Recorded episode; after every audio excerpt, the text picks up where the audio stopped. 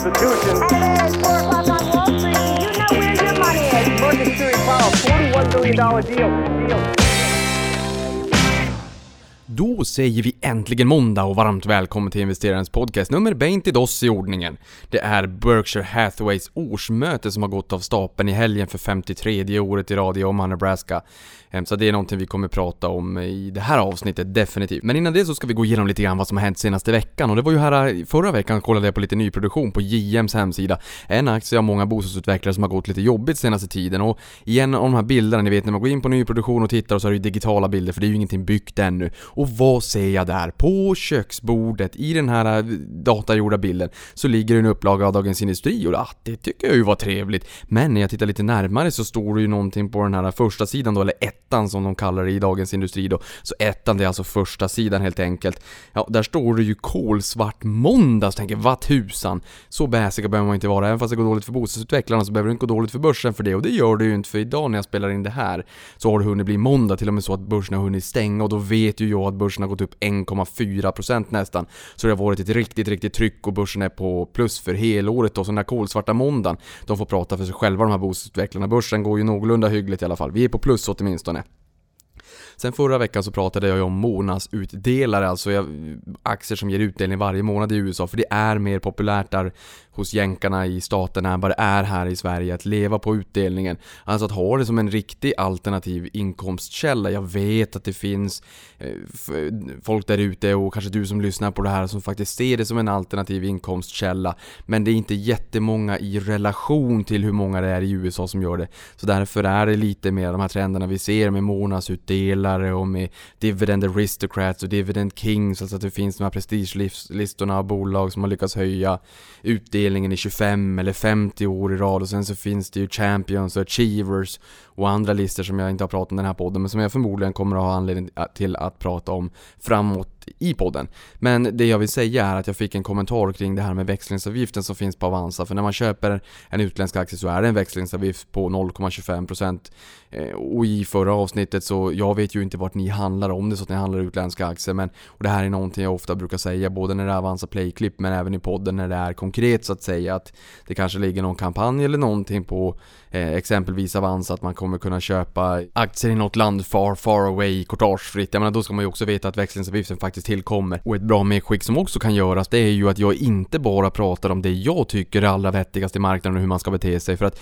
jag kommer inte att påtvinga dig min investeringsfilosofi utan jag brukar ju säga att det finns lika många investeringsfilosofier som vad det finns investerare där ute. Så det gäller ju att du hittar precis det sättet som du tycker är vettigt att investera på. Och just det här med månadsutdelare, använder jag det själv? Ah, nej, det gör jag ju inte. Men jag tycker att det är ganska trevligt att ha en utdelningskalender i min balansräkning på en annan flik i Excel då, där jag tittar då på januari, februari, mars, april, ja men ni förstår ju månaderna så att säga till december då. Och sen ser jag vilka bolag som ger utdelningar vilka månader och sen så räknar jag ner den totala. att hur mycket utdelning får jag i januari, februari, mars, april, maj och sådär. Och sen är det ju en alternativ intäktskälla, lite grann som lön fast inte den 25 då, om nu inte bolaget delar ut 25.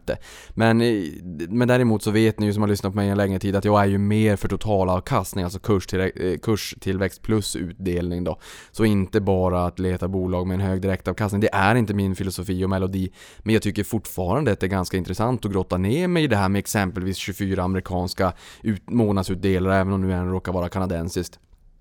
Så jag kommer prata om, om mycket som jag kanske inte tycker är det, det, det sättet som rimmar med min filosofi bäst. Men sjuttsiken också, jag är ju nyfiken så jag kommer prata om det mesta, bara så att ni vet det. Och just det här med månadsutdelare också i utländsk valuta, jag är ju lite försiktig alltså när det kommer till att köpa amerikanska aktier där man tycker att direktavkastningen ligger på en 6-7% eh, där man får utdelning varje månad eller varje kvartal eller vad det är, om det bara är för själva utdelningen man köper. Och varför säger jag det? Jo, därför att man måste tänka på valutadimensionen valutadimensionen. Och det är ju så här, jag brukar säga att ja, men valutadimensionen det är ju ett nollsummespel långsiktigt. Valutorna rör sig ju mot varandra, den kollapsar ju inte om det är nu inte något bolag som defaultar eller får hyperinflation eller vad det kan tänkas vara, så valutan blir i princip värdelös. Eh, vissa kanske i Sverige tycker att vi är på väg dit med den, den eh, expansiva penningpolitik vi håller i Sverige. Det låter jag vara osagt, men eh, i annat fall så är det ju ett nollsummespel, men just utdelningarna de kommer ju varje månad eller varje kvartal eller när de då delas ut oavsett vare sig man vill eller ej och då automatväxlas ju de tillbaka till svenska kronor. Så jag tycker, ha, ha med er där lite grann att är det så att man funderar på utdelningsaktier och det är i utländsk valuta, kom bara ihåg att det är inga konstigheter att valutan som den aktien är noterad i eller denominerad i kan svänga lika mycket som årsavkastningen i termer av direktavkastning eller i termer av utdelning då i förhållande till aktiekurs utan problem. Så ha det bara med er. Sen vill jag också säga att gillar du bacon, jaha då finns det, eller så här, gillar du bacon och krypto? Ja då finns det ju en ny kryptovaluta då som har sett världens ljus, jag såg det i helgen och då tycker jag som så här, säg hej till Baycoin. Alltså inte bacon utan Baycoin. Eh, och sen ska det också finnas ett agrocoin för att investera i de hetaste chilifrukterna globalt. Och Oscar Mayer som ger ut Baycoin vars kurs man också då kan följa live ska nog mer ses som marknadsföring vilket jag då också förstår. Även där Kodak Coin som de har kommit med. Det blir ju lite grann och även bolag som kommer och lägger till blockchain eller coin i sina namn och ser enorma kursrusningar. Var försiktig med det här men det, det där får man nog se snarare som marknadsföring och det är faktiskt så här att John Mayer är, eller John Mayer säger jag, Oscar Mayer menar jag, är en del av Kraft Heinz som också har Warren Buffett på ägarlistan. Ehm, så att ja, vi, vi, ja nu, jag vet inte om världen saknade ett Bacoin förut, men nu har vi ett Bacoin som kan växlas in till Bacon om man så vill. Sen har vi OMXS30 som stängde veckan på den balanserade nivån, plus 0,01% year to date i fredags. Om man då inte räknar med utdelningar. Däremot är vi upp 3,23% inklusive utdelningar och 4,06% det vill säga lite mer då om vi tittar på 6PRX som är Stockholmsbörsens breda index, alla bolag strax under, eh, en bit under 370 bolag är vi väl nu, jag tror att det var 368 bolag när jag tittade sist. Och sista, eller senaste veckan sen vi hördes sist så har OMXS30 gått eh, ner minus 0,23 Däremot så har vi Essity upp 4,8%, Boliden 4,2% och SSAB 4,2% de också.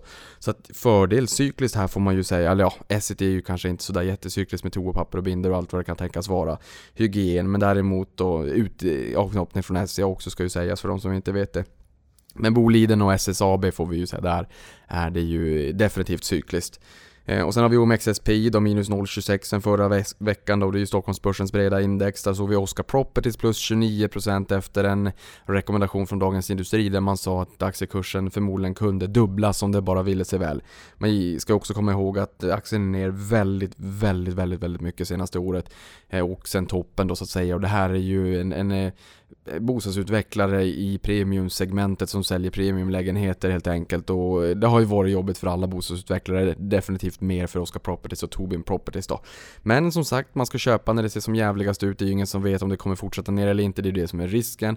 Ehm, JM gick ner strax under 95% under 2008 när vi hade den globala finanskrisen. Så att jag menar, och då var det ju alltså en, en bred bäs på marknaden, här har vi ju en eh, en eh, branschspecifik utmaning helt enkelt i dagsläget. Och är det så att vi då får ytterligare bäs och surt sentiment på börsen på det då, ja men då kan det bli lite jobbigt. Men vi hade faktiskt Peab idag, nu fuskar jag lite grann för Peab kom idag måndag och Eh, så jag tar in lite grann vad som har hänt redan idag. De släppte rapport klockan 13 på dagen och där såg vi både försäljning, resultat och, och orderingång stiga lite grann, eh, eller över förväntan faktiskt. Och sen så var det ju eh, lite bättre än väntat även på bostadsdelen. Det är klart, Stockholm är ju lite jobbigt men de säljer ju bostäder även i andra delar av Norden så att säga. Så att, eh, ja, och då får man väl kanske säga att Oskar och Tobin och även JM och Beskav, de är ju ganska centrerade till Stockholm. Men i alla fall, man får väl fundera på hur länge ska det här hålla i sig eller inte. Sen har vi Arctic Paper plus 21% och Starbreeze A, ska tilläggas då, plus 20% senaste veckan. Och går vi över, tar vi flygplanet över Atlanten, Pölen och åker till Amerikat, ja då hittar vi Dow Jones, äldsta indexet i USA, 1896 grundades ju det. Eh, 30 components, alltså 30 bolag som ska vara de mest viktiga för ekonomin och hur det där har beräknats, ja, det vet ju riktigt ingen. Men i alla fall det är det äldsta och det som är viktigt för dem helt enkelt. Och där ser vi en uppgång på 0,41% senaste veckan. Eh, Apple då, Eh, som är det bolaget globalt som har högst börsvärde i världen helt enkelt, större än hela Stockholmsbörsen. De har gått upp 13,2% senaste veckan. Så det har ju varit en ordentlig skjuts i de här och där kommer vi nog komma in lite senare idag också på att Warren Buffett har ju Passa på att tanka på sig en hel del i det här bolaget. Sen har vi McDonalds då som är upp 4,2% och där har jag också sett att de funderar på, eller ska inte fundera på längre, utan ska införa sån här eh, självbetjäning så att säga. Att du klickar i vilken burgare du vill ha och allt vad det kan tänkas vara och så får du en liten lapp och bara hämta ut det.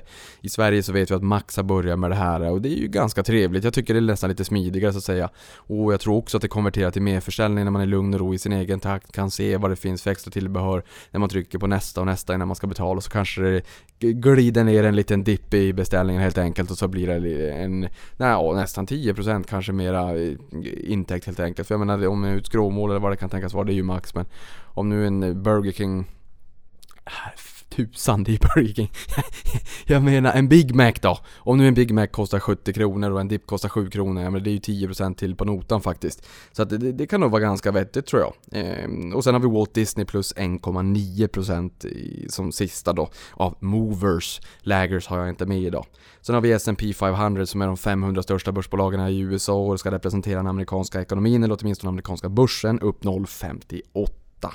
Och då hade vi Corvo Q ORVO, Corvo plus 17,9%, Endeavor plus 14,2% och Apple ingår ju här också då plus 13,2%.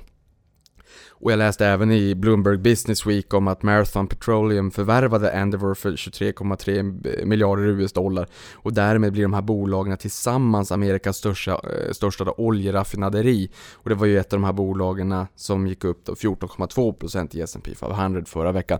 De går alltså ihop med Endeavour, eller blir köpta Endeavour, de tillsammans blir alltså eh, USAs största oljeraffinaderi och oljepriset tenderar ju att fortsätta gå upp. Vi hade även en rapport här i samband med Eh, Lundin Petroleum som sa att deras produktionskostnader är på 5 dollar fatet vilket är eh, lekmannamässigt i min värld låter väldigt lågt. Det låter som att de kan klara av rätt mycket smärta på oljepriset och ändå fortsatt tjäna pengar.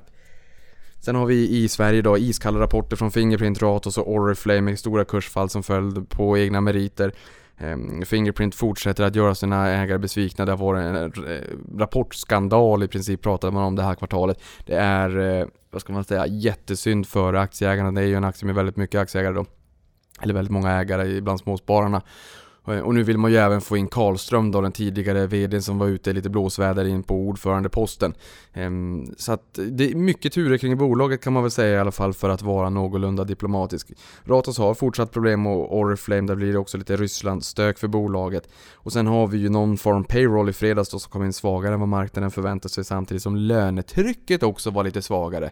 Och för er som har bra minne kommer ni ihåg kanske att andra februari här i år, då kom ju någon form payroll, det kom ju normalt sett första fredagen varje månad. Och där var ju lönetrycket lite högre än vad man hade förväntat sig. Det skrämde marknaden, vi fick en helg på oss och blev ännu mer oroliga. Och ett jättefall på börserna globalt den eh, måndagen där den eh, 5 februari. Eh, så att, i det här fallet då så, så eh, såg vi ju att lönetrycket inte alls riktigt var exakt vad vi förväntade oss. Inte mycket under, men ändå under. Så där var det ju en knäck även på svenska börsen då, 14.30 när det här kom. Så fick vi lite, lite fin uppgång helt enkelt att sluta veckan med.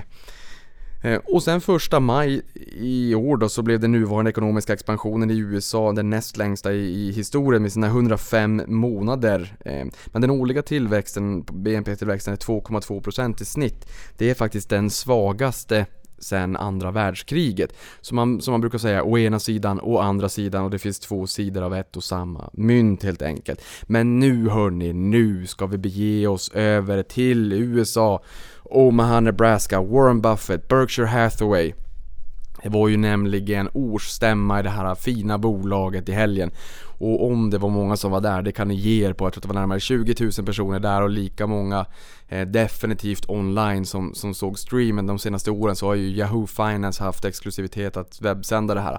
Någonting som jag faktiskt, det här tycker jag bara är lite roligt, någonting som jag faktiskt visste före stora delar av resten av världen. Och det berodde på att i tidigare podden Prata pengar så hörde jag av mig och sa att vi tycker att Warren Buffett skulle vara med i våran podd. Och åtminstone fem minuter, det hade varit så roligt för vi svenskar tycker att det här med sparande är så himla kul. Och, och då sa den här kvinnan på Berkshire Hathaway, ja det, mm, det kan nog bli lite svårt, men jag vill göra dig glad. Det är nämligen så att ni kommer åtminstone kunna se stämman eh, streamas nu här som, som kommer alldeles, alldeles snart. Och dagen efter så kavlades det här ut i amerikansk media. Det hade ju ingen nyhetsvärde, det var ingen börspåverkande på något sätt, men det var väl lite roligt att en liten juppe i, i Sverige hade lite information som gladde marknaden dagen efter i alla fall.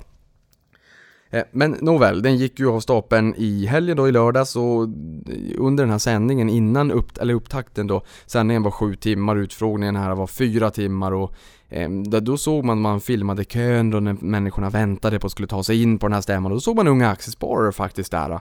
Eh, vi hade ju en delegation som var där och vi har ju Per Börjesson på Spiltan i Sverige då har ju varit där i över ett årtionde och han har även sett till att ett, ett gäng ungdomar har fått följa med och uppleva den här fantastiska folkfesten eh, under några år faktiskt. Så att det är all cred till Per får man säga. Det är en otroligt mäktig upplevelse. Jag var själv där 2015 när det var 50-årsjubileum. Jag kikade ju inte så nära på hur långt det var. Jag var ju på västkusten i, i Las, eh, Las Vegas, i, i, Los Angeles och skulle till New York för att jag hade anordnat en investerarresa. Och då var jag tvungen att bila 500 mil bara för att ta mig till Omaha, Nebraska, men det var det värt. Ehm, och i media då, i amerikansk media så pratar man om det här som investeringskonglomeratet som är the Woodstock of Capitalism när de har årsstämma. Ehm, och det sades ju rätt mycket klokskap och det här är ju någonting som också bevakas, hårdbevakas får man säga i amerikansk media eller i global media får man ju faktiskt säga. Och i det här avsnittet vill jag egentligen bara dela med mig av vissa sådana här tänkvärda saker som eh, både Warren Buffett och Charlie Munger delade med sig av under de här timslånga eh, frågestunderna från aktieägarna då helt enkelt. Och man man eh, kombinerar då med att ta in frågor från aktieägare och analytiker och pressen helt enkelt. Man gick runt där så att alla fick ställa sina frågor helt enkelt. Och ett exempel som Warren Buffett tog på långsiktighet var ju när han bad sin pappa bak till 1942. Han ville köpa en aktie. Jag tror att det till och med var en preferensaktie, preferred stock. Även om eh, Benjamin Graham i Security Analysis har sagt att det där med preffar ska man kanske inte riktigt hålla på med. Preffar på den tiden, det är lite annars idag. Men eh, det blir ett annat avsnitt helt enkelt. Men det var den första aktien han då tydligen då ville köpa 1942. Vi hade ju kriget också och det var lite allmänt eh, bistra tider och han visade någon försida på en, en tidning, eh, Wall Street Journal var det inte, New York Times tror jag att det var. Där han visade lite grann hur, vad rubrikerna sa och sådär och ja, till slut så kände han, jo men nu vill jag köpa den här aktien och det gjorde han och eh, timingmässigt så vart det ju inte sämre än vad det kunde bli, eller det blev så dåligt det kunde bli helt enkelt. Han fick den här aktien på intradags högsta. Det är ju en sån där intradagshögsta och om vi då säger att en aktie har rört sig mellan Eh, 48 och 50 kronor, ja, men då vill man ju gärna köpa den på 48 då om den har rört sig där under dagen, inte på 50, inte på högsta nivån. Men det blev det i det här fallet. Och sen dagen efter redan så vart det en sur marknad och han gjorde en dålig affär. Vilket han tyckte att, ja, redan på en gång så vart det ju tråkigt. Men han behöll ju den här ett tag och till slut så hade han gjort en förtjänst på, på ett antal procent och då sålde han av den här och sa till pappa nu är jag beredd att sälja av. Men sen så såg han ju den här gå från 40 dollar till 200 dollar och den här lilla nedgången då som gjorde att han fick ont i magen bolagen. Det visar sig bara bli en krusning på aktiekurserna. Det här är ju ett medskick att just det här med långsiktighet behöver inte vara så dåligt. Sen är det klart att vi har många som gillar att trada och det är inte fel i det. Men som jag brukar säga ibland, vi måste tillåta oss själva att våga vara långsiktig. Det här var en ganska lång utsvävning som Warren hade faktiskt. Den tog rätt många minuter att beta igenom och han visade på i tidningarna och börssidan och hur det hade gått upp och hur det gick ner sen och sentimentet var surt och hur han fick ont i magen och sådär. Sen också på tal om långsiktigt sparande så hade han ett exempel här äh, om det som han hade investerat 10 000 dollar i S&P 500 1942. Nu hade man ju inte riktigt indexfonder på den tiden. Men just om man hade fått en exponering då mot de 500 största börsbolagen i USA 1942, tre år innan kriget tog slut globalt då. Äh, och man bara hade köpt vid ett tillfälle och sen hade man sett sitt kapital växa och inte gjort någonting. Man kanske till och med hade glömt bort det. Ja, då hade man idag haft en, en fin värdetillväxt och ett värde som låg långt över 10 000 dollar. Jag tänker jag väntar någon sekund så att du som lyssnar på det här får fundera lite grann. Vad kan 10 000 dollar 1942. Det är, det är länge sedan det är, det ska vi inte säga någonting om. Hur mycket kan det ha växt till idag 2018 utan att man har gjort någonting. Man har köpt vid ett tillfälle, man har lagt det i byrålådan, man kanske till och med hade glömt bort det. Ett enda investment decision i sitt liv helt enkelt och sen bara glömt det. Ja, då hade det växt till 51 miljoner US-dollar. Och det är det han menar med det här. Köp vid ett tillfälle, titta aldrig på börsen igen. Det var det, det enda du behövde göra, att tro på att eh, America would do well over time. Eh, one investment decision in your life. Och hade du då bestämt dig för att köpa guld istället? Han menar på att ja, det är roligt och det här att hålla på med aktier och försöka hitta guldkornen och allt vad det kan tänkas vara. Men eh, även de som kanske inte tycker att det här är det roligaste som finns i livet, ja de kan också bli VD över sin egen ekonomi och bygga en ekonomisk trygghet och faktiskt våga leva livet kanske lite mer på det sätt man vill, inte måste. Utan eh, försöka bygga upp den här ekonomiska flexibiliteten och alla kan. Jag menar vi har ju haft en eh, vi, vi, har haft en utveckling på marknaden både i USA och i Sverige som gör att alla kan spara och investera. Så var det inte förr i tiden, vi ska inte glömma bort det men så är det nu i alla fall. Men eh, om man då hade köpt guld istället så hade man ju kunnat titta på det här guldet och gå, man hade behövt förvara det någonstans så att det skulle vara säkert och sådär. Men, men det till trots då helt enkelt, antingen om man hade något kassaskåp hemma eller om man hade hyrt något bankfack eller vad det kan tänkas vara. Ja, man kan ju hela tiden gå ner i det här och, och titta på guldet och han sa att det var 300 Troy ounce man hade köpt då för de här 10 000 dollarna 1942. Och eh, från 1942 fram till 2018 så kommer det fortfarande vara Eh, 300 Troy ounce. Guldet förökar sig ju inte, det brukar ju aktier kunna tendera att göra. Men eh, det gör ju inte riktigt guldet helt enkelt, det är, det är lika mycket. Men värdet däremot, det är ju klart att det har ju stigit. Så att från 10 000 dollar till idag då 400 000 dollar. Så jag menar, även här har man ju fått en ordentlig uppgång. Men han menar att det här är ju inte vettigt att köpa en non-producing asset över tid, alltså en tillgång som inte genererar eller skapar några värden eller kassaflöden.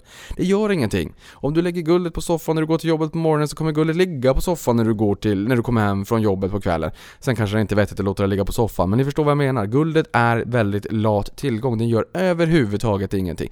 Den ligger bara på soffan och säger 'Jag hoppas att någon annan betalar mer för mig än vad du gjorde, för då kommer du bli glad' Men that's it, mer än så blir det så att säga inte. Sen är det klart att det finns ju en, en efterfrågan på guld globalt också. Eh, du och jag kanske har några ringar eller annat i guld och vad det kan tänkas vara. Och i Indien så är det också rätt stor efterfrågan på, eh, eller ja det är väl i hela världen, just, eh, vad heter det? Eh, vigselringar etc. Och jag vet inte varför jag drar upp Indien. Jag får någon sån här förnimmelse att det är någonting speciellt med guld och, och Eh, Indien. Man kanske kan googla på det. Jag kan inte säga riktigt vad jag tänkte på nu här när det står direkt i inspelningen då så att säga. Eh, men här, det han menar och det han jämför med här det är ju om man köper en, en, en producing asset, alltså en, en aktie som, eller ett bolag egentligen. För att en, om man säger aktie då kanske det inte låter så att man köper en producing asset utan det är ju faktiskt en del av ett bolag man köper. Ett bolag som över tid vill generera värde för sina aktieägare. Eh, och där hade man ju fått 51 miljoner US-dollar då istället för 400 000. Så han menar ju att i det här exemplet så har man ju fått över 100 gånger mer för sin investering än guldet så att säga. Eh, så det är väl, eh, och det vet vi att Warren Buffett har sagt tidigare, han har sagt att guld du hittar en guldgruva som du sen måste hårdbevaka för att bryta det och sen när du har brutit guldet, ja men då säljer du det och sen säljer du till någon annan som måste gräva ner det någonstans och hårdbevaka det eller i eh, byrålåda med ett lås förvisso eller ett eh, säkerhetsfack eller ett bankfack eller kanske på hos Fed eller eh, Fort Knox helt enkelt. Så att jag menar först så ska du bevaka det när du gräver upp det sen ska du bevaka det när du eh, förvarar det helt enkelt.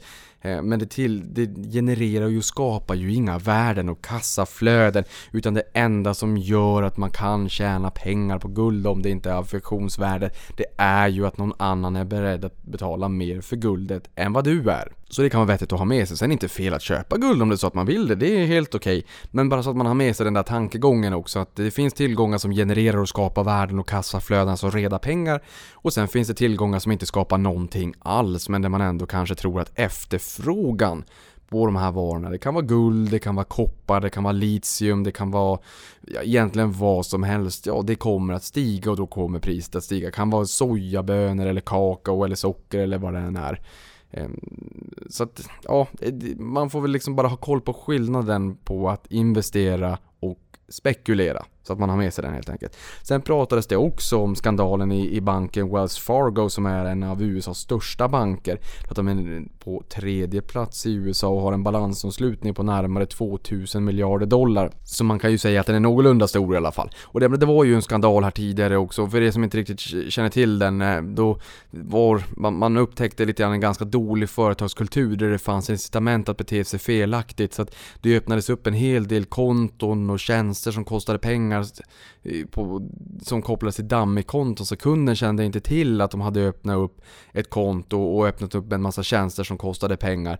Men däremot så fick ju den här säljaren eller rådgivaren eller vad man då vill fick ju helt enkelt en pinne och, och syntes ju som att den här presterade en hel del. Och det är flera miljoner konton som har öppnats upp på det här sättet och det var en helt bedrövlig, vidrig eh, företagskultur. Det finns en eh, en podcast från eh, NPR i USA som hade just ett poddavsnitt om eh, hur skandalen och hur företagskulturen var där och när det var något kontor som blev rånat, ja då fick ingen gå hem trots att det är en chock eh, när, när det sker ett rån på ett bankkontor. Jag har varit med om det själv. Däremot så var jag inte på bankkontoret utan jag var på våningen upp men jag såg ju jag såg hela Eh, hela förloppet från fönstren där uppe även om jag var en bit ifrån och mina kollegor som var skärrade efter det här hade hänt och sådär. Så det är klart att det är en, en psykisk påfrestning när något sånt här händer, det kan man inte komma ifrån. Men de fick inte gå någonstans utan de skulle sälja och därefter fick man gå hem på kvällen. Så det har varit det har varit stökigt helt enkelt. Jag menar, vill du lyssna på det här avsnittet, det är 6-7 minuter. Jag är ledsen att jag inte kan säga vilket nummer det är på den här podden nu, för det kommer jag inte riktigt ihåg. Det är en 5, 6, 700 det avsnittet någonting. Men kör så här att googla på NPR och Wells Fargo Scandal så kommer den komma upp helt enkelt så kan du lyssna på den. Ganska vettigt. Men däremot så fick man ju då frågor kring det här hur man kan tänka för Buffett ska ju ha en hög etik och moral och eh, hur, hur, hur, hur de ställde sig till det här helt enkelt. Och det, menar, det är ju klart, det är ju en relevant fråga.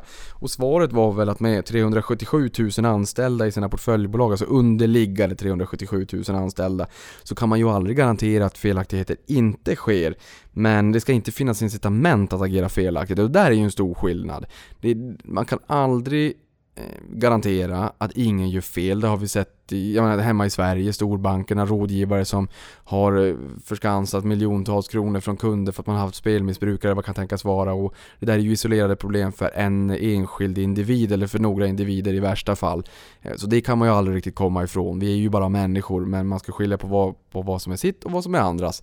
Eh, men i det här fallet så fanns det ju incitament till att bete sig felaktigt i, i företagskulturen vilket aldrig får ske helt enkelt. Och där menade de att det var felaktigt och, och, och påpekade samtidigt att några av bolagets absolut bästa investeringar historiskt har gjorts i bolag som har haft det motigt, där det har hänt någonting, där det har varit eh, ja, någon form av felaktighet som har begåtts i bolaget och då tog man ju upp exempel då som Solomon Brothers, American Express och Geico där man har gjort fina affärer affärer just när sånt här har hänt. Men med det sagt så kommer det aldrig, det, varken försvara det som hände i, i Wells Fargo kommer aldrig någonsin att försvara det heller. Det enda som försvarades egentligen det var väl anledningen till varför Berkshire Hathaway kommer ha kvar sin stek i USAs tredje största bank. Och Munger flikade in där också och sa att jo, och det här kanske också gör att Wells Fargo kommer vara den tryggaste banken going forward just för att det här har uppdagats. Och just för att vi har bättre kontroller idag och kommer se till att det här aldrig någonsin kommer att hända igen. Sen kan man aldrig garantera att någonting aldrig någonsin kommer att hända igen helt enkelt. Sen fick de också en fråga om Elon Musk som ska ha sagt att det här med moat inte är relevant utan snarare löjligt och att det är takten på innovation som är eh, egentligen en måttestock på hur pass bra bolaget kan tackla eh, framtiden, konkurrensen och hur, hur eh, pass duktig man är på att vara sin egen lyckas smed helt enkelt. Och där tyckte väl både Warren och Charlie, även om Charlie är lite mer syrlig i sina kommentarer, menar att det där var löjligt. Ehm, helt enkelt. Och att det gällde bara om det handlade om en vanlig flaska vatten. Eh, och Warren doesn't intend to build an actual moat. Men det de menade på att eh, just det här med, med moat som man har pratat om i bolagen under lång tid, det är fortfarande högst aktuellt helt enkelt. Är du intresserad av det här, skriv moat på google eller economic moat och läs på lite grann vad det är för någonting. Jag kommer även köra ett avsnitt kring det för det är väldigt intressant. Men det handlar ju egentligen om att bygga en vallgrav runt Eh, verksamheten och affärsmodellen så att man blir svårgenomtränglig för konkurrenter. Tänk den här gamla borgen med den här vallgraven med vatten i och alligatorer. Det är alltså svårt att ta sig in och eh, bräcka konkurrenten helt enkelt för en ny aktör på marknaden. Eh, det är någonting, återigen, vi också kommer gå igenom lite grann framåt. Sen har vi Buffett då som verkligen uppskattar Apples återköp eh, av aktier. Och här har man ju sagt att man ska köpa tillbaka 100 eh, miljarder US-dollar, eller aktier då för 100 miljarder US-dollar. Och det är ju 37% av kassan på 267 miljarder US-dollar. Så Apple kommer att köpa tillbaka en stor del av utestående eh, aktier helt enkelt. Det är klart att det här bolaget är ju värt enormt mycket. Men man kommer köpa tillbaka en eh, good chunk. Och just det här med om återköp är vettigt eller inte. Jag menar, där, där tvistade lärde och jag är inte helt garanterad. Jag kommer att eh, dyka ner även i det här i ett kommande avsnitt. Men jag menar, ni vet ju att i Stockholm, i Sverige, så är vi ju mer för regelrätt utdelning. Och i fjol tror jag att utdelningsandelen låg på ungefär 63% och direktavkastningen var 3,7% och det innebär ju att runt 63% av vinsten delades ut i snitt av eh, Stockholmsbörsen. Och utdelningen i förhållande till aktiekursen låg på i snitt 3,7%. I år förväntas den vara lite högre. Dels så har vi ju en eh, en, en höjning av utdelningarna för stiger vinsten och utdelningen brukar vara en andel av vinsten. Ja, då brukar ju utdelningen också tendera att hänga med vilket gör att vi får lite högre Eh, lite högre utdelning. Vi får en löneförhöjning i portföljen helt enkelt. Sen i början av året också, eller i början var ju ganska, ganska bra, vi var väl upp 4,3% om jag inte missminner mig. Men sen så gick det ju ner ganska mycket. Så vi har ju varit ner någonstans 4% på Stockholmsbörsen och det är klart att då eh, om vi både får höjda utdelningar och eh, fallande aktiekurser då tenderar ju direktavkastningen att stiga ytterligare lite grann. Så den var upp på som mest förväntat i år 4,5% så att den ligger ganska högt. USA ligger inte alls i närheten men där är ungefär hälften utdelning och hälften återköp om man, om man så säger. Eh, anledningen till varför jag är lite fundersam kring det här Det är ju för att om en, ett bolag återköper en aktie Ja då måste de ju vara säkra på att vi köper tillbaka vid precis rätt kurs. Och då kan man ju tycka att ja, men de som sitter på bolaget De om någon borde ju ha koll på verksamheten och så kan det ju absolut vara Så borde det ju åtminstone vara. Det behöver inte betyda att de är stockpickers för det. Bolaget kan ju, det de kan göra till 110% det är ju att påverka bolaget operationellt Hur det går för bolaget. Försäljning, marginaler, lönsamhet, kassaflöde, alltså vinster på sista raden, så kassaflödet och, och hela den biten så att säga och att höja priser och gå in i nya marknader och ta marknadsandelar och allt vad det är. Men de kan ju inte påverka priset på aktien riktigt på samma sätt. Sen finns det vissa bolag som tenderar att vara lite, eh, lite understödande när det kommer till aktiekursen och foka lite väl mycket på aktiekursen. Men det är ju ingenting de riktigt kan göra. De vet ju inte ifall vi får ett handelskrig eller att det flyger in plan i World Trade Center som sänkte börsen jättemycket. Eh, eller att vi får en global finanskris. Och är det då så att man har återköpt aktier, eh, ja då, det man gör då det är ju att dels om jag då sitter på aktierna och sen istället för utdelning, att jag får in pengar på kontot, så får jag ju en högre koncentration mot bolaget. För bolaget köper tillbaka aktier, det innebär att alla vi som sitter på aktierna, vi har ju en lite större exponering mot bolaget helt enkelt istället för att vi har våra aktier i bolaget plus en utdelning i kronor och ören på ett konto. Ehm, och det här såg vi ju inte minst med Fingerprint som återköpte egna aktier. Så dels så hade folk exponering mot Fingerprint och sen så köpte bolaget tillbaka aktier i det egna bolaget. Vilket gjorde att man ökade min och din och all, nu har inte jag ägt Fingerprint, men, men koncentrationen i bolaget. Och sen när det följer, då följer ju innehavaren eh, min eller din eh, aktiestek i bolaget plus de återköpta aktierna som bolaget satt på. det. Så det blir ju en dubbel effekt. Så det där ska man vara lite försiktig med. Sen har vi ju Apple i det här fallet där eh, ligger väl P talet förväntat innevarande år på 15 och, och, för nästa år på 12 så att det kan man ju ändå säga är aptitligt. Warren Buffett gick in i bolaget här i mars 2016 eller Q1 2016 men det, det, vi fick ju reda på det i slutet på mars 2016 ehm, så var ju P talet 9 så det har ju varit en, en ordentlig resa uppåt både, eh, både vinstmässigt, för den har ju faktiskt fortsatt. Både försäljning och, och vinst har, har stigit en hel del i Apple men sen har vi även fått en, en höjd värdering på det. Vi värderar varje krona högre. Så vi har haft en multipel expansion på nästan 100% eh, som allra mest helt enkelt. Nu som sagt, eh, vi hade en 16-17 på P talet nu ligger det så att säga 15 i år och så 12 nästa år då. Och varför gör det det då? Jo, det är ju för att de har faktiskt lyckats växa ganska ordentligt. I, i senaste rapporten här som kom eh, Eh, alldeles nyligen så växte faktiskt omsättningen 16%, eh, resultatet 30%. Det kanske blir lite påverkan på, av skattereformen då så att säga. Eh, och sen höjde de utdelningen 16%, Apple Services växte 31%. Så det här är ju trots att det är världens största börsbolag så växer de ju enormt mycket fortsatt. Och jag tror att ibland så kanske man underskattar det här att hur en konsumentprodukt med lojala kunder och Eh, ett ekosystem och även här då får man ju säga någon form av moat definitivt. De står väl för en 10, 11, 12, 13% av försäljningen av, av telefoner globalt och tog väl 95-96% av, av den globala vinsten här eh, nu senast. Jag tror att förut när jag tittade på det var det 91-92% nu senast när jag såg samma siffror så var den ännu högre. Så att det är ju en enorm... Eh, de, de tar liksom russinet ur den globala telefonkakan, man kan inte säga någonting annat helt enkelt. Ehm, sen har vi Berkshire Hathaway då som inte kommer att köpa några aktier i Microsoft och det förklarar man med Buffetts nära relation till eh, Bill Gates, grundaren av Microsoft. Jag menar han Buffett eh, tänkte ju även eh, ha någon form av vad säger man, filantropi tillsammans med sin fru som, som tyvärr gick bort och då skänkte han ju pengar till Bill och Melinda Gates Foundation istället. Så att man han har ju en, en nära relation och det kan ju vara vettigt kanske då att inte investera i Microsoft. Sen vet man ju inte med Ted och Todd sen när eh, Warren Buffett och Charlie Munger går ur tiden. Det är ju, låter ju vara osagt men i dagsläget i alla fall så blir det inga aktier i Microsoft. Sen så tror de väl inte heller riktigt det här med handelskriget kring USA och Kina. Där de både eh, målade upp det här som två stora eh, nationer ehm, som kommer att vara fortsatt viktiga globalt. Och ingen av dem bör ju rimligen vilja förstöra utsikterna och möjligheterna för ett ökat välstånd globalt. Så han menar väl på att man tar väl sitt förnuft till fånga och kanske inte riktigt försöker försämra relationerna och den globala handeln så att säga. Men det har ju varit lite grann av ett chicken race den senaste tiden, det vet vi med den här varannandagsbörsen.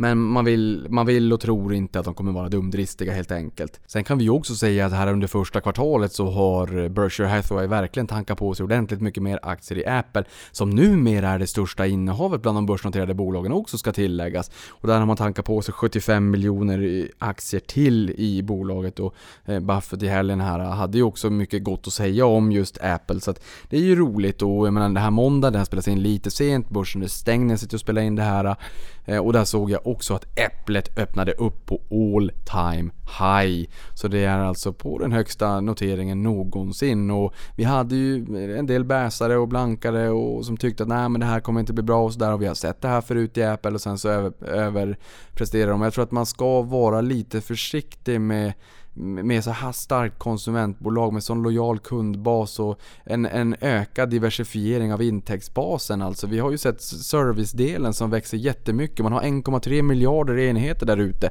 Man kanske inte bara ska se det som att ja men nu säljer man en telefon Sen så måste man sälja en ny telefon utan man har ju också en, en telefon 30 cm ifrån sig dygnet runt i princip. Och i den där telefonen går det att göra ytterligare köp. Och jag menar Apple tar vi Apple Store 30% av, av eh, prislappen när någon köper någonting. Och det är ju inte den enda delen så att säga men jag tror att det, det mm, jag tror att redan där när vi fick knäcken från P9 mars 16 när vi såg att Buffett också gick in så såg man att äh, men det här kanske inte är en one trick pony. Och eh, att Eh, trots att det, iPhone står för en stor del av, av intäktsmixen så kanske det finns någonting här going forward ändå. Eh, det återstår ju att se och jag har ju också läst om det här med augmented reality, virtual reality som verkar ligga Tim Cook varmt om hjärtat kommer nog också förmodligen kunna bli en, en jättemarknad eh, potentiellt helt enkelt. För att inte då lägga till vad man kan göra inom hälsoområdet också.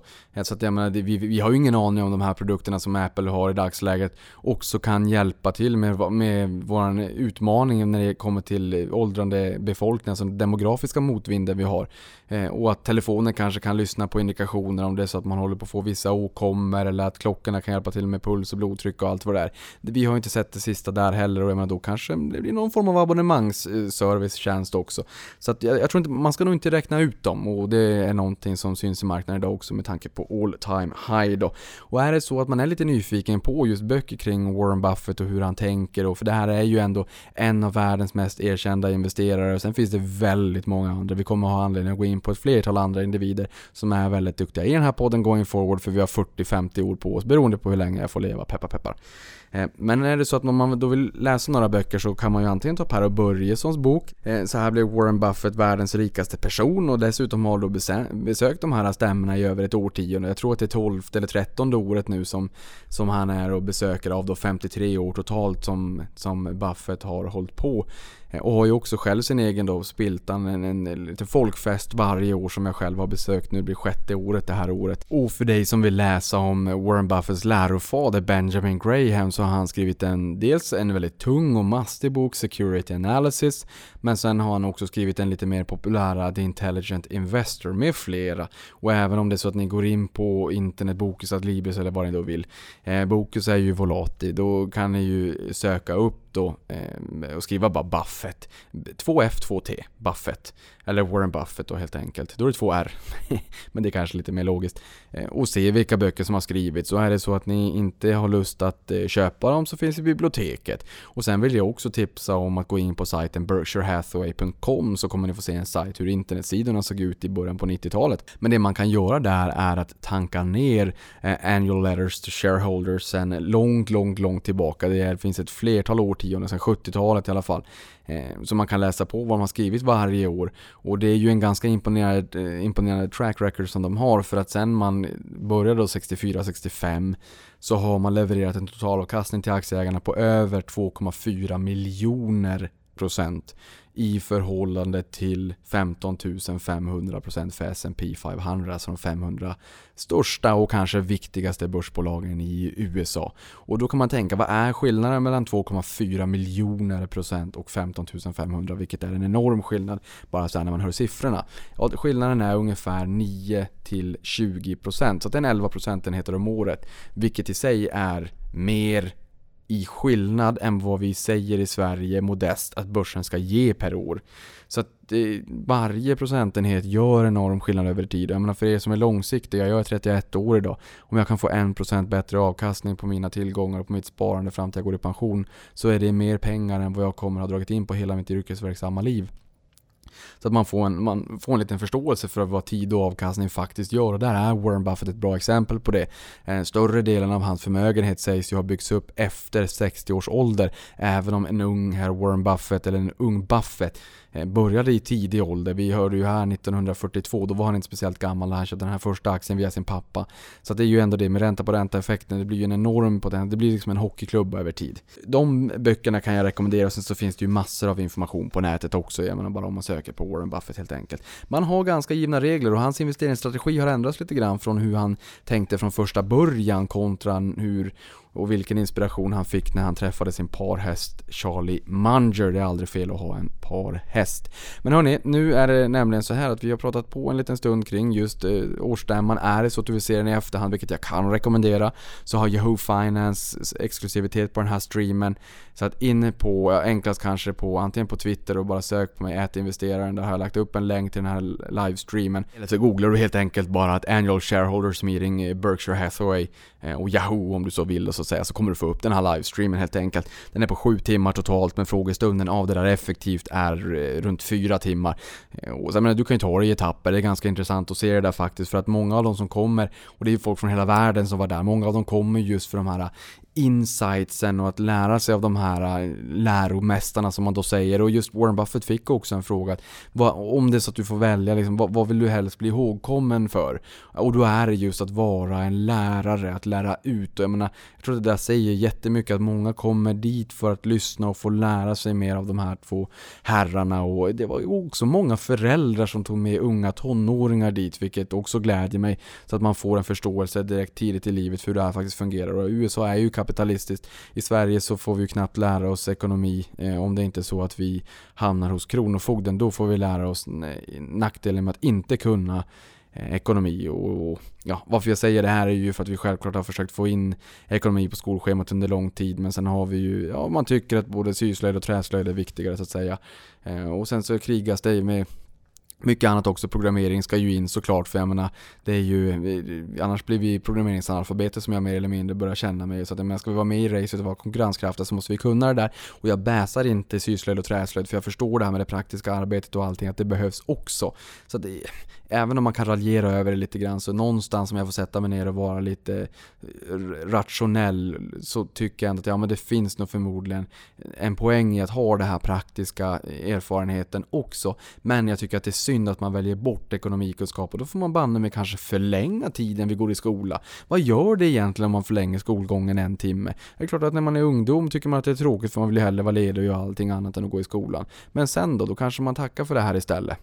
Ja, det var ju en utsvävning då. Nu är det nämligen så här att nu är det hög tid för nyhetssvep.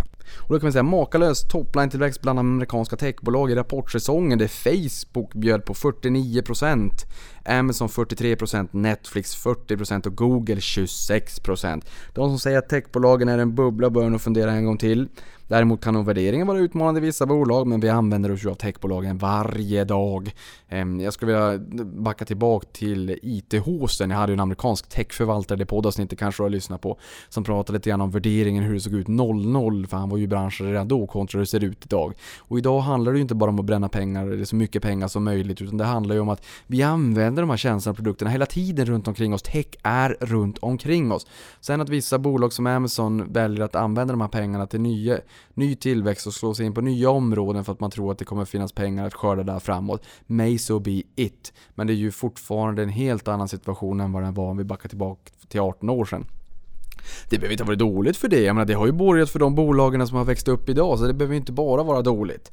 Sen har vi Morgan Stanley som har varit en duktig bäsare av H&M senaste tiden som konstaterade i en analys nu senast att Stefan Persson troligen har stått för runt 20% av omsättningen i aktien under april. Och den här aktien bottnade på 117 kronor och 10 öre den 28 mars och har gått upp ordentligt sen dess. Nu gäller det att de också levererar. Och det kan jag faktiskt säga att i helgen så var jag på en fest och då, ins då träffade jag en person som jobbade på online-delen på H&M och den här personen menar att det var ju rena rama högkonjunkturen. Och vi hade en lång diskussion kring hennes och Maurits och hur det blir med online-delen och om det är så att det där kannibaliserar lite grann på butikscheferna som kanske mäts på vilken eh, försäljning de lyckas åstadkomma i butiken och sen så skäl online och är det så att det är i Stockholm och flera butiker nära varandra varandra. Vem ska då få räkna in den här online-delen och hit och dit? Och har de koll på siffrorna eller råkar de skicka dunjackor till Madeira mitt under sommaren? Och har man rätt vara på rätt lager vid rätt tillfälle? Och hur... Ja, vi, vi hade en lång diskussion, det är en podd i sig egentligen.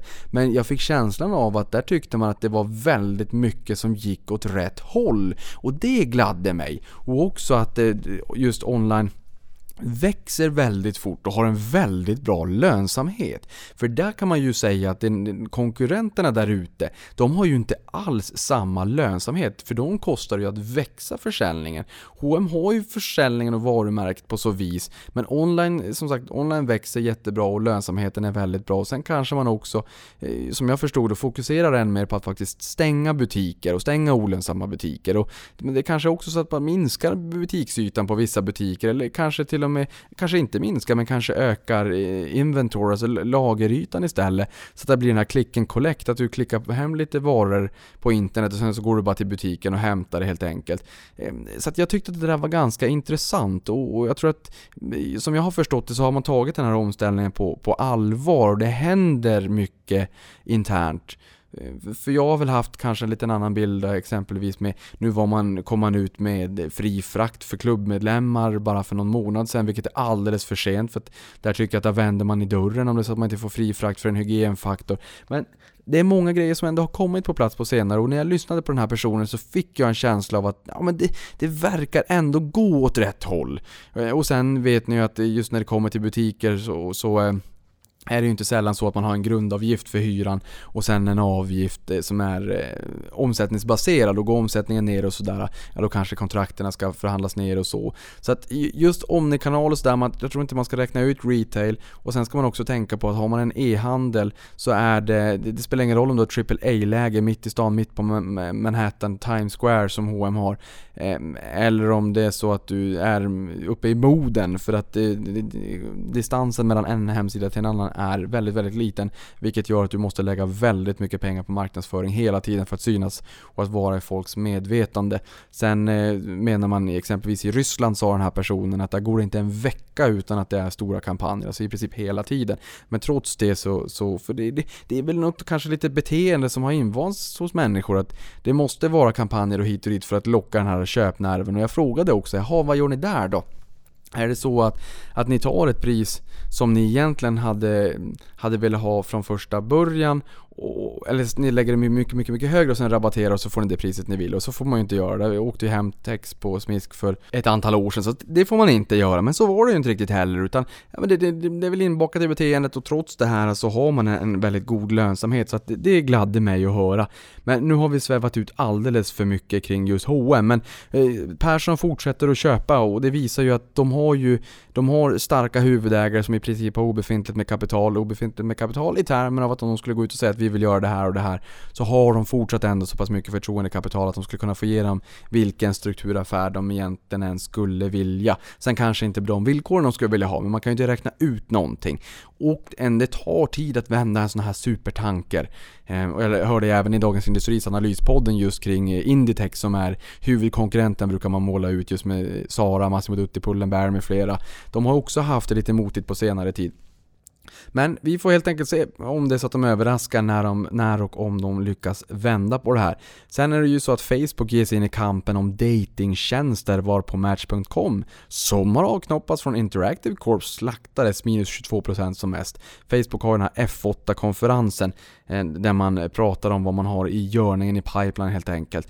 Eh, och det här var den största nedgången någonsin för en enskild handelsdag och Match.com äger ju datingtjänster som Match.com, Tinder, OkCupid Eh, och sen Interactive Corp, det gamla moderbolaget, föll i sin tur 19% vilket var det största raset sedan 2001. Sen får vi se om det är så att Facebook då kommer att eh, lansera den här dejtingtjänsten. Det återstår att se. Det är egentligen konstigt att de inte redan har det för de har väldigt mycket användare. Så varför inte bara connecta ihop de här användarna på ett annat smartare sätt? En ny vertikal helt enkelt om man så säger. Sen har vi ju det amerikanska bolaget Integrated Media Technology som tokrusade som mest 1963% under en enskild handelsdag. Alltså året då innan eh, Warren Buffett köpte Berkshire Hathaway om man så säger. Ehm, under en enskild handelsdag i veckan under stor volym trots att inga nyheter hade kavlats ut vilket är ganska intressant. Ehm, och det är nästan till en 20 bagger intradag då. Eh, utan nyheter och det är ju rekordartat. Eh, ten bagger brukar ju Peter Lynch säga också, en otroligt duktig eh, investerare som har, han var fondförvaltare på Fidelity Magellan under hans tid så var det en fenomenal avkastning. Läs boken One Up on Wall Street, eh, en av flera böcker så att säga om du inte redan läst den, otroligt läsvärd. Sen har vi Apple som slog förväntningarna både topline och bottomline i sin Q2. Det är brutet räkenskapsår, det har jag sagt redan tidigare. Intäkterna steg 16%, vinsten 30% och utlandet stod för 65% av försäljningen i kvartalet. iPhone X var den mest populära telefonen i Kina och Japan växer man dessutom norr om 20% och kassaflödet från rörelsen var 15 miljarder dollar. Och Apple sa ju idag att man ska köpa tillbaka aktier för 100 miljarder dollar, 100 miljarder dollar av kassan, 267 miljarder dollar. Eh, och i kvartalet sålde man 52,2 miljoner iPhones, 9,1 miljoner iPads, 4,1 miljoner datorer. Och sen Apple Services växte 31% till 9,2 miljarder US-dollar och utdelningen höjdes 16%. Det är bara bra, bra, bra, bra, bra, bra och bra. Sen får vi se helt enkelt hur det är going forward. Men jag känner så här att eh, jag, jag, nu när jag står och spelar in det här så gör jag det med min Mac, jag har min telefon, jag kommer köpa den nya iPhone trots att jag inte ens vet hur den ser ut. Är jag en Apple fanboy might be, men jag skulle säga att det är ett starkt varumärke och har skapat en otroligt lojal eh, kundbas. Och sen har jag ju iCloud exempelvis också för att ladda upp mina bilder. Det är ju så att jag har ju svårt att, säga till min flickvän att sluta ta massa bilder på vår dotter för jag tror inte att hon vill ha 20 000 bilder när hon fyller 18 och problemet är att jaha, hur ska man göra då då? Nej, om inte hon vill ha dem så kommer jag få fortsätta förvara dem för jag kommer inte ha mage att delita de bilderna 18 år senare. Jag tror att ni förstår det. Vad händer då? Ska jag ha dem på min lokala dator? Jaha, tjena, vad händer om den där hårddisken kraschar? Nej, jag kommer ha dem uppbackat på ett moln. Vilket innebär att Apple eller någon annan aktör har skapat en repetitiv intäkt för resten av mitt långa, förhoppningsvis, liv. Sen har vi bolagen i S&P 500 som förväntas återföra 1000 miljarder dollar till aktieägarna i form av utdelningar och återköp. Och inte ett enda bolag har sänkt utdelningen i år och skattereformen påverkar ju självfallet positivt. Eh, och det här är mer än vad hela Stockholmsbörsen är värd, eller 107,2% av Apples börsvärde var jag bara tvungen att räkna ut i och med att vi har pratat lite grann om Apple idag då. Sen världens militära utgifter på högsta nivån sen kalla kriget enligt Stockholms internationella fredsforskningsinstitut SIPRI. Eh, och där har vi 14 847 miljarder kronor och mark eh, är marknaden värd globalt och USA toppar kakan med 35%. Eh, det här kanske inte är jätteroligt, det påverkar de bolagen inom försvarsindustrin om det är så att man investerar i bolag som försöker uppviga till krig och vad säger man, hemskheter å ena sidan, eller om det är bolag som säljer försvarsmateriel och försvarsutrustning för att bevara freden är ju det andra lägret. Det här får du helt enkelt ställa dig frågan själv vad du tycker, det kan inte jag pådyvla dig. Um, och sen har vi ju Bodyflights nyintroduktion på aktietorget blev övertecknad då, till närmare bestämt 102% så det är inte jättemycket men ändå. Och bolaget har nu tagit in 21 miljoner kronor och första handelsdag är beräknat till 21 maj. Det är alltså när man kan åka och vara lite man kan flyga så att säga en sån här sim, ja inte ens en simulator, det är ju faktiskt på riktigt. Um, du kan ju googla Bodyflight om det är så att du är nyfiken på vad det är och tycker att min förklaring var alldeles totalt värdelös. Sen har vi dryckes och snacksbolaget Pepsico. De har ungefär 50% dryck och 50% snacks. Höjer utdelningen för 46 året i rad och närmar sig därmed med stormsteg den mycket otrovärda titeln Dividend King. Och man har höjt utdelningen i 50 år i rad. Kvartalsutdelningen höjs med 15% vilket ger en direktavkastning på 3,7%. Du kan fråga dig själv när fick du en löneförhöjning av tjänst på 15% senast? Eh, kanske du fick, eh, kanske är möjligt, eller om du bytt jobb och sådär, men det är fortfarande så att utdelningen från portföljen, eller utdelningshöjningen i portföljen, kommer att springa snabbare under livet och det är precis därför du ska sätta pengarna i arbete, sysselsätta dem och låta dem jobba för dig vid sidan av ditt jobb om det är så att du vill. Sen har vi Snap, vilken cashdusch, eh, kalldusch för aktieägarna i Snapchats moderbolag Snap. Kraschar minus 20% och missar på omsättningen. Där har sin framåtblickande guidance och användarbasen står och stampar. Samt designförändringen av tjänsten kanske inte heller var riktigt bra. Det där har varit, eh, fått lite grann kalla handen som jag har förstått det. Minus 33% från IPO, 17 dollar och minus 62% från all time high på 29 dollar där den var uppe och harvade som allra mest. Jag kommer ihåg det som om det var igår. Handeln blev några timmar försenad. Man stod och funderade på golvet där på Nyset. Ska den börja nu? Ska den börja nu? Ska den börja nu? Och jag var lika nyfiken som ett litet barn i en godisbutik och ville titta hur det gick och sådär. Ehm, jag tror att den hoppade upp till, ja den hoppade upp väldigt, väldigt mycket i alla fall. Sen har vi Spotify bjöd på sin första rapport som noterat bolag och den föll inte kollekt, investerarkollektivet i smaken. Bolaget rapporterade en användarbas på 170 miljoner användare och 75 miljoner premiumanvändare inline med förväntningar men däremot går bolaget med förlust. Det kanske inte var någon överraskning i och för sig och gav en sval prognos för försäljningen framåt. Det var däremot lite jobbigare. Sen har vi YouTube som ägs av Alphabet, nu är Google alltså och nu är jag uppe i 1,8 miljarder inloggade användare i månaden. Eh, köpeskillingen på 1 miljard US dollar 2006 ser ut att ha blivit en ganska bra affär. Eh, och vi befinner oss mitt i den amerikanska rapportsäsongen och som ni vet så har ju handelskriget oroat börsen. Vi har haft en mellandagsbörs, vi har haft lite chicken race Kina, USA och bland bolagen som har rapporterat i S&P 500 så nämns tariffer i 45% av bolagens conf calls. Conf calls, alltså conference calls som man har när man pratar med investerarna precis efter rapporten och där analytikerna får ställa lite frågor och sådär och du och jag kan också ringa in och sitta och lyssna lite grann och industrisektorn är föga förvånande överrepresenterad bland bolagen som nämner tariffs i eh, kolen, så att säga, i konfkolen. Sen amerikanska försäkringsbolaget RLI höjer utdelningen för 43 året i rad och kvartalsutdelningen höjs med 4,8%. Inte lika mycket som Pepsico men nog nåväl, det är en höjning. Vilket gör att direktavkastningen landar på 1,4%. Och sen sist men inte minst så vill jag bara dela med mig av det, en liten eh, notering jag har gjort att bubbelaktien inom citationstecken air quotes Sodastream som var omåttligt populär när jag var liten har bubblat upp eh, med över 600% sedan 2016 och vinsten lika, lika mycket, eller den har inte riktigt bubblat upp lika mycket men den är upp 515% sen bokslutet 2015. Det har varit lite av en turnaround och den har gått otroligt otroligt bubbligt uppåt. Hörni, nu är det måndag kväll. Stort tack för en bra måndagsbörs och jag hoppas att ni har en riktigt god börsvecka även om det är lite röda dagar och halvdagar den här veckan. Men som jag brukar säga, avkastning på er och vi hörs riktigt snart igen.